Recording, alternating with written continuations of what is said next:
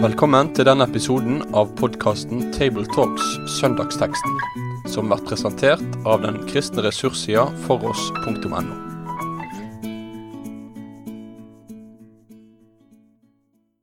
Hjertelig velkommen til en ny episode av podkasten Tabletalks, der vi går gjennom søndagens pregetekster. Eh, Og I dag så skal vi samtale om eh, teksten for eh, søndag 4. november, som er alle helgens søndag. Og Teksten er fra Matteus 5, vers 13-16. Og Alle helgens søndag det er jo en søndag som nå kommer imot avslutningen av treningstida, før vi i en periode kommer nærmere oss advent og et nytt kirkeår. Og Det er den 24. søndagen, og helt siden, siden 700-tallet så har, har en 1. november feira helgenene. De som eh, var særlig martyrer, men òg eh, kristne som på en særlig måte fikk være forbilder gjennom liv eh, og trua si. Eh, Etter hvert så ble det òg et behov for å markere eh, de som eh, var altså, generelle kristne, kan vi gjerne si. Eh, alle truende som var gått bort. Og, og Derfor så har òg denne dagen eh, sånn, både sånn spesifikt eh, knytta til disse særlige forbildene, men òg en sånn generell minnedag. Og siden 1770-tallet så har vi markert denne dagen første søndag i november i, eh, i den skandinaviske eller norsk-dansk kirkeliv. Eh, Og det kan være greit å bare få nevne at etter vår lutherske lære så er det å minnes helgenene det regnes for å være helt fint. Det er noe vi skal kunne gjøre, og vi skal kunne reflektere over deres liv, den utgang de fikk, og ta etter deres tro, som Hebreabrevet 13 sier. Men det med å henvende seg til helgener med bønn om forbønn, det er noe som en lutheraner eh, ikke gjør og tar avstand ifra. Så på den måten så har alle helgensøndag en litt annen karakter i våre lutherske kirker enn det vil ha f.eks. hos katolikkene. For å snakke om denne teksten eh, over alle helgens søndag, så har jeg med meg Toril Slottsveen Asp. og, Sverre Bø. Og sjøl så er jeg Knut Kåre Kirkholm. Nå skal Toril få gleden av å lese teksten fra Matteus 5 vers 13 til 16.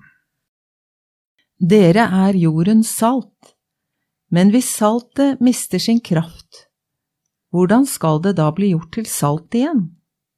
Det duger ikke lenger til noe, men kastes ut og tråkkes ned av menneskene. Dere er verdens lys. En by som ligger på et fjell kan ikke skjules. Heller ikke tenner man en oljelampe og setter den under et kar. Nei, man setter den på en holder så den lyser for alle i huset. Slik skal deres lys skinne for menneskene, så de kan se de gode gjerningene dere gjør, og prise deres Far i himmelen. Fint. Så altså, dere er jordens natriumklorid. Hvor eh, begynner vi her? er det natriumklorid det snakkes om, Sverre? Ja, det som vi kaller salt i Norge i dag, det er nesten alltid natriumklorid. Av spesielle grunner så måtte jeg gå det litt nøyere etter og lese litt om saltets funksjon, både i kjemien, fra medisin, fra agronomer, bruken i landbruket, og historisk sett hva det er, oss ordene for salt. Og det var et ganske stort bilde som da tegner seg, og i antikken så hadde de nok andre ting de kalte salt, enn bare vår rene natriumklorid, med de virkningene vi er vant med at det har. I Bibelen så brukes salt som en eh, bilde eller metafor, eller også konkret, i veldig mange forskjellige sammenhenger. I Gammeltestamentet skulle en del av ofringene f.eks. saltes før det kjøttet da ble ofret.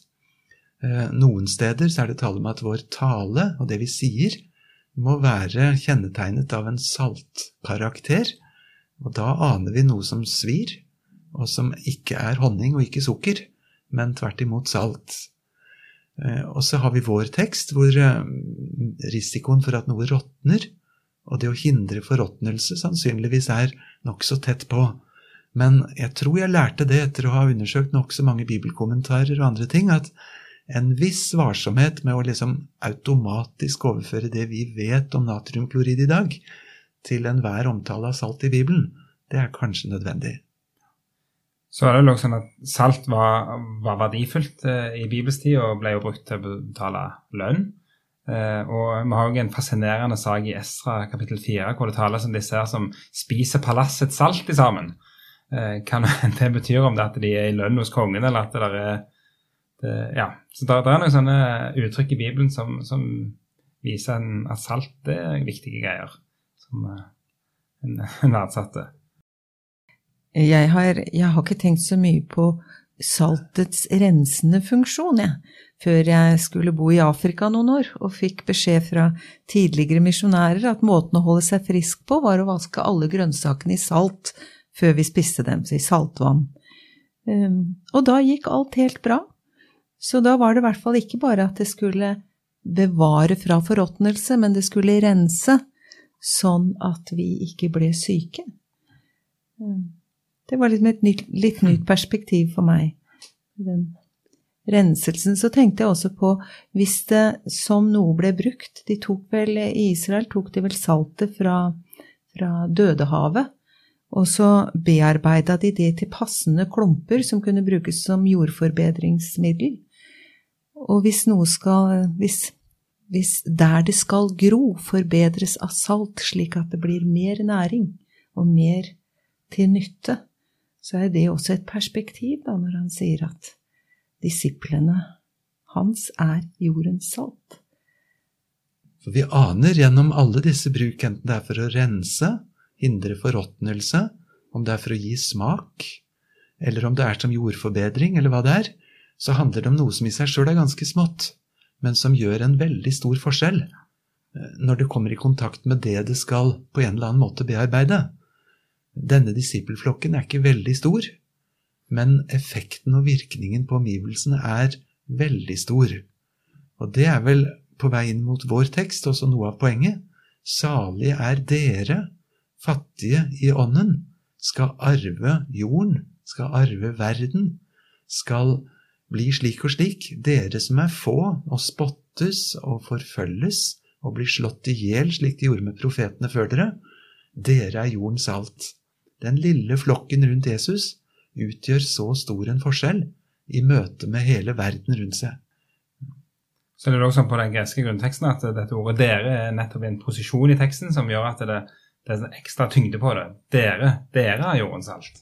Så det er veldig klart at det er liksom denne her litt sånn brogete forsamlingen som har uh, satt seg rundt Jesus på fjellet, som, uh, som tiltales som dette her. Med den voldsomme effekten, da som er verdt å, å merke seg. Og så hadde det lydd litt annerledes hvis han hadde sagt dere skal prøve å være jordens salt, eller nå må dere få til å være jordens salt. Eh, og det samme er jo når vi kommer til verdens lys, dere er verdens lys, det er ikke Dere må nå prøve å være verdens lys. Mm. Eh, jeg, jeg syns disse tekstene ofte har møtt meg som en sånn å, nå må jeg ta meg sammen, for jeg klarer ikke å være sånn Jesus sier at jeg skal være. Men så er det faktisk ikke det han sier. Han sier dere er. Dere er. Eh, så er det kanskje ikke opp til meg å skulle få til et prosjekt i forhold til disse ordene, men det er min relasjon til Jesus, det å være hans lærling, det å være i hans nærhet, som gjør at jeg umiddelbart blir noe som jeg ikke kunne ta meg til å være på egen hånd. Så står det noe om at saltet mister sin kraft. Og så brukes det også der på grunnteksten et ord som vel så lett kan assosieres med ord for å være dum eller sånn enkel eller sånn. Så ikke bare liksom Vi kan fort henge oss opp gjerne i sånn ja, kjemisk sett kan salt bli usalt og, og så videre og sånt, men, men det, det handler om at å bli nytteløs, da. Eh, at, at, det er det som er problemet.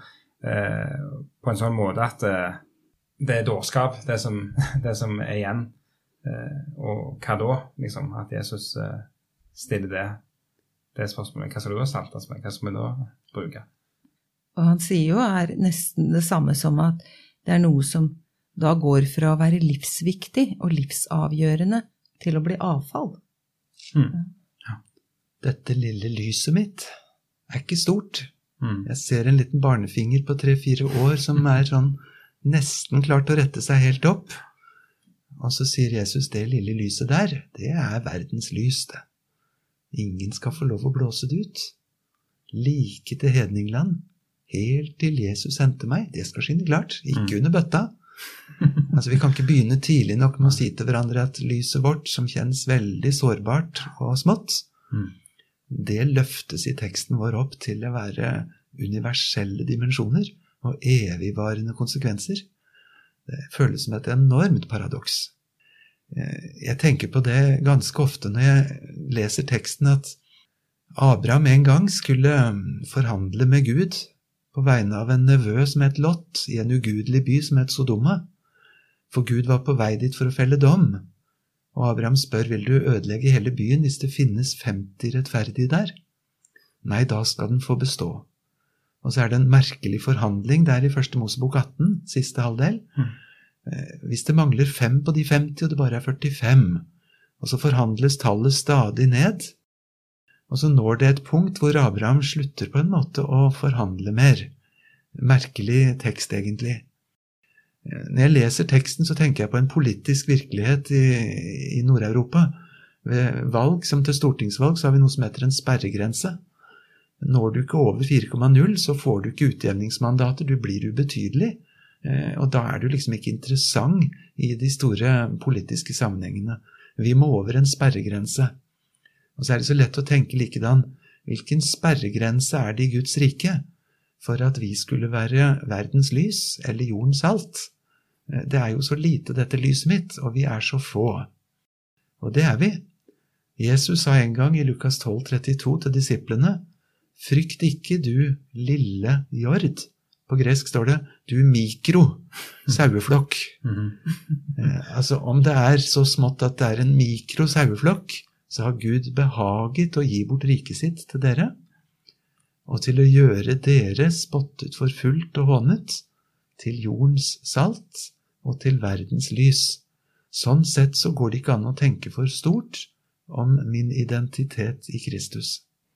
Og likevel så har han med denne dimensjonen at det kan skje noe med den lille flokken som gjør at den ikke er det saltet lenger. Han satt og lurte lurt på hva er det som kan skje med oss? Og da kom jeg på dette verset som står om at eh, i det ytre har de gudsfrykt, men de fornekter gudsfryktens kraft. I 2. Tim 3,5. Er det noe med at vi også kan se ut som vi kanskje er jordens salt. Vi hører med i Jesu følge, på en måte, og likevel så er det noe vi fornekter av gudsfryktens kraft, noe av etterfølgelsen som vi kanskje ikke åpner oss helt for. Mm. Jeg tenkte på blir vi kraftløse, motløse, slappe? Mm. Hva er det som skjer med oss?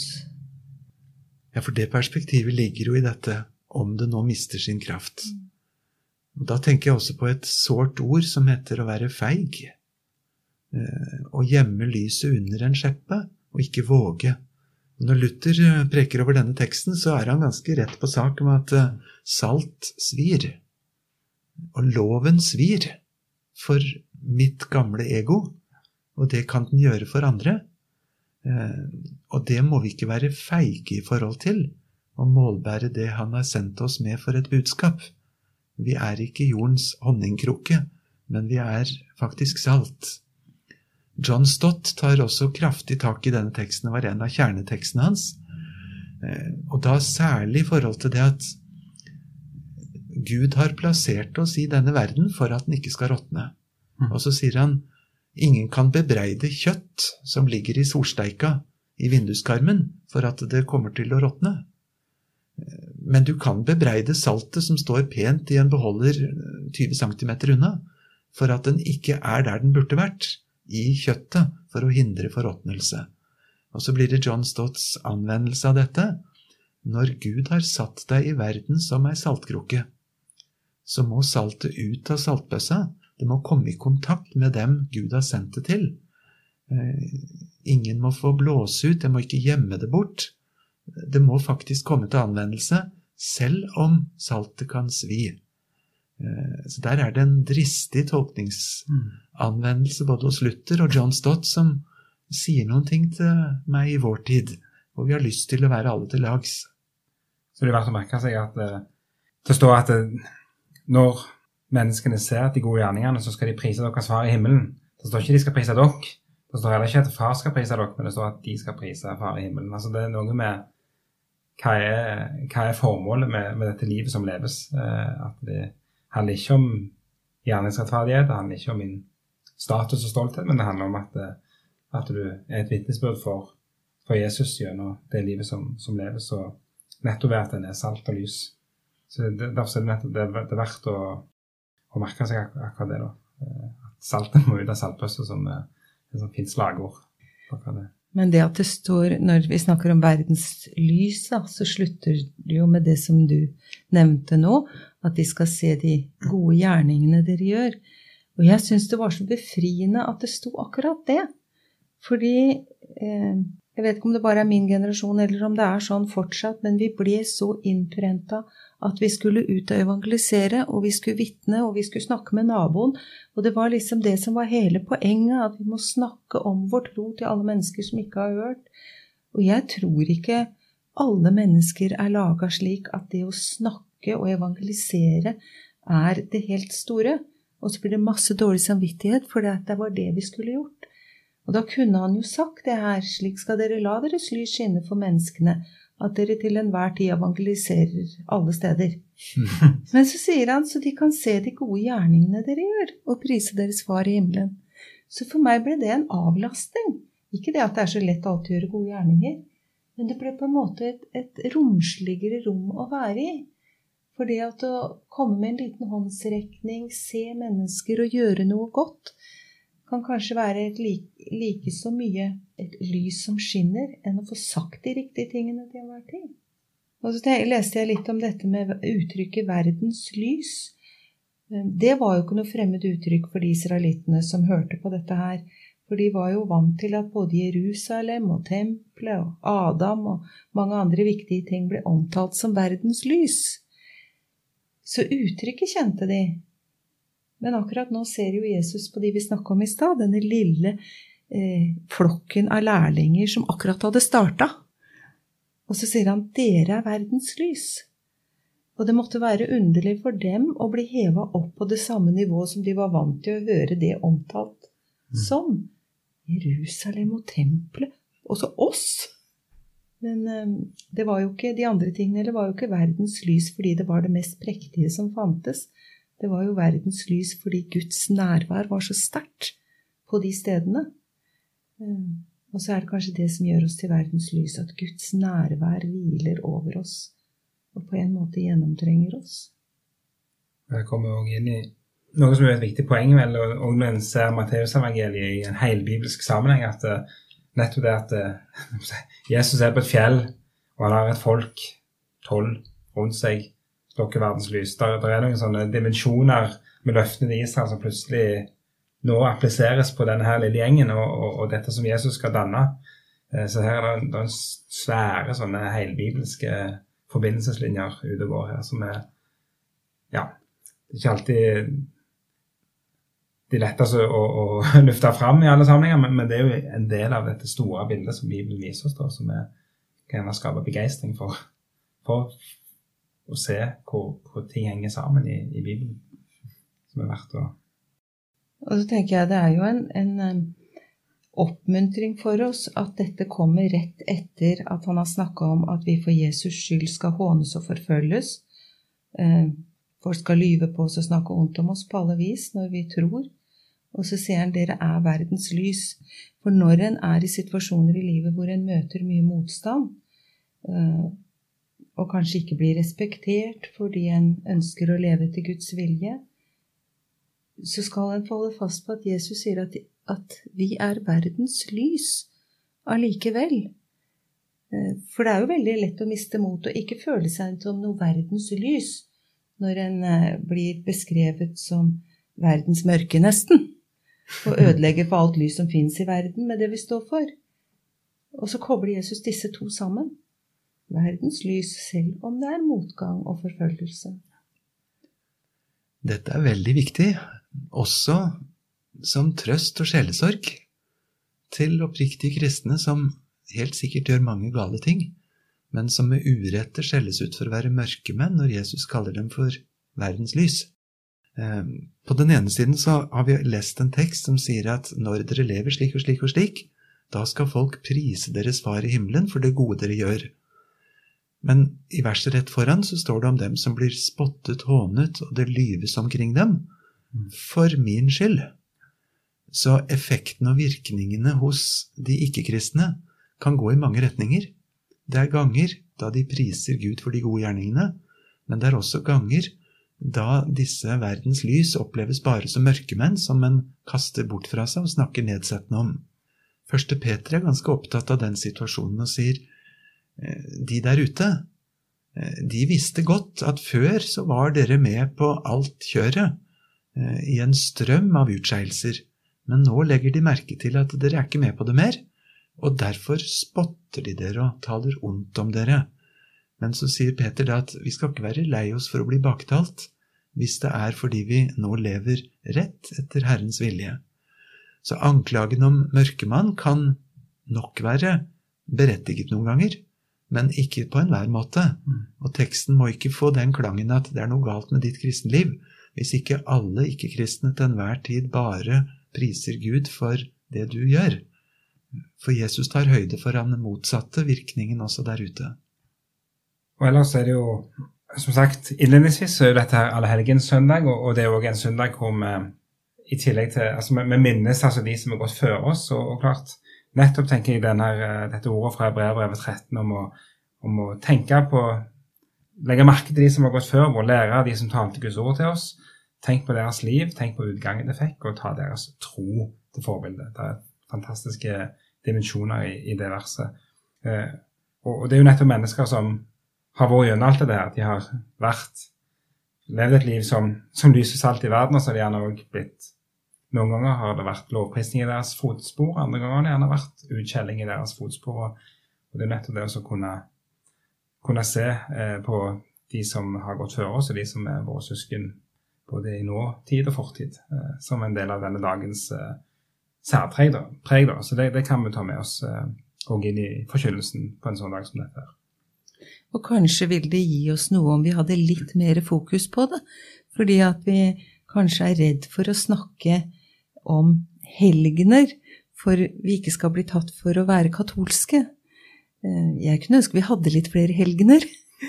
Fordi jeg syns det er så inspirerende for min egen trosvandring å lese om mennesker som har overgitt seg så helt til Gud, hengitt seg til tjenesten, og virkelig deler av den livserfaringen når jeg leser bøker og sånn. Mm. Så jeg tenker at vi trenger, vi trenger stadig å få løfta fra mennesker som kan inspirere oss til å holde ut. Det er jo det brevbrevet vil ha oss til. Mm. At vi kanskje kan fokusere enda mer på det, både for barn og for voksne. Mm. Hvis vi skulle, eh, eller hvis vi skal, eh, i en tale over denne teksten, hva eh, vil en vektlegge da? Toril, har du noe du særlig ville vektlagt? Jeg tror nok det ville vært noe rundt dette med at Jesus sier 'dere er jordens salt', 'dere er verdens lys'. At han ikke sier 'dere må være' eller prøve å få til. Mm. Fordi det gir både en, en hvile og en, en, annen dimensjon enn dette her at jeg må ta meg sammen for å få til noe sjøl. Og så syns jeg det er litt fint at Jesus bruker så enkle eksempler. Mm. Han bruker noen eksempler som nesten er banale. Fordi de er så enkle at alle ser ja, selvsagt setter jeg ikke lys under en bøtte. Eh, men når han har fått oss til å bli med på at ja, selvsagt er det sånn, så kan han ta oss litt videre, slik at vi, vi kjenner det inni oss når han taler. At han løfter oss opp til dette lyset ikke skal være under en bøtte, men jeg skal få lov til å tro at Jesus gjør meg til et lys ved å bo i mitt hjerte. Dess lenger jeg lever, og dess mer eksegese jeg leser, dess mer ender jeg opp med den bibelhermeneutikken som jeg lærte som liten gutt i søndagsskolen. Jeg prøver å sette mitt eget navn inn som der hvor pronomenene står. Og nå skal jeg få være så uærbødig barnslig og lese hvordan den teksten lyder, eller deler av den, hvis jeg setter Sverres navn inn der hvor det står dere. Eh, og det gjør noe med meg å lese det for dere og lese det for meg selv. Da vil det plutselig hete Sverre er jorden salt. Men hvis Sverre mister sin kraft, hvordan skal han da bli gjort til salt igjen? Da duger ikke Sverre lenger til noe annet enn å kastes ut og tråkkes ned av menneskene. Sverre er verdens lys. Slik skal Sverre la sitt lys skinne for menneskene, så de kan se de gode gjerningene Sverre gjør, og prise deres Far i himmelen. Det er jo galskap å lese seg selv inn i en tekst så rått og direkte, men det gjør noe med meg, og kanskje med flere, så det er tankevekkende med det framskutte dere. Fint. Eh, med det så runder vi av samtalen over denne her, eh, teksten for Allhelgenssøndag. allehelgenssøndag. Og eh, på forhånds.no så går det an å finne flere ressurser knytta til denne teksten og til denne søndagen. Og så vil vi ønske Guds velsignelse over både deg som skal tale over denne teksten, og deg som skal lytte til forkynnelse fra denne teksten på Allhelgenssøndag. Med det sier vi takk for følget for denne gang. Finn flere ressurser, og vær gjerne med å støtte oss på foross.no.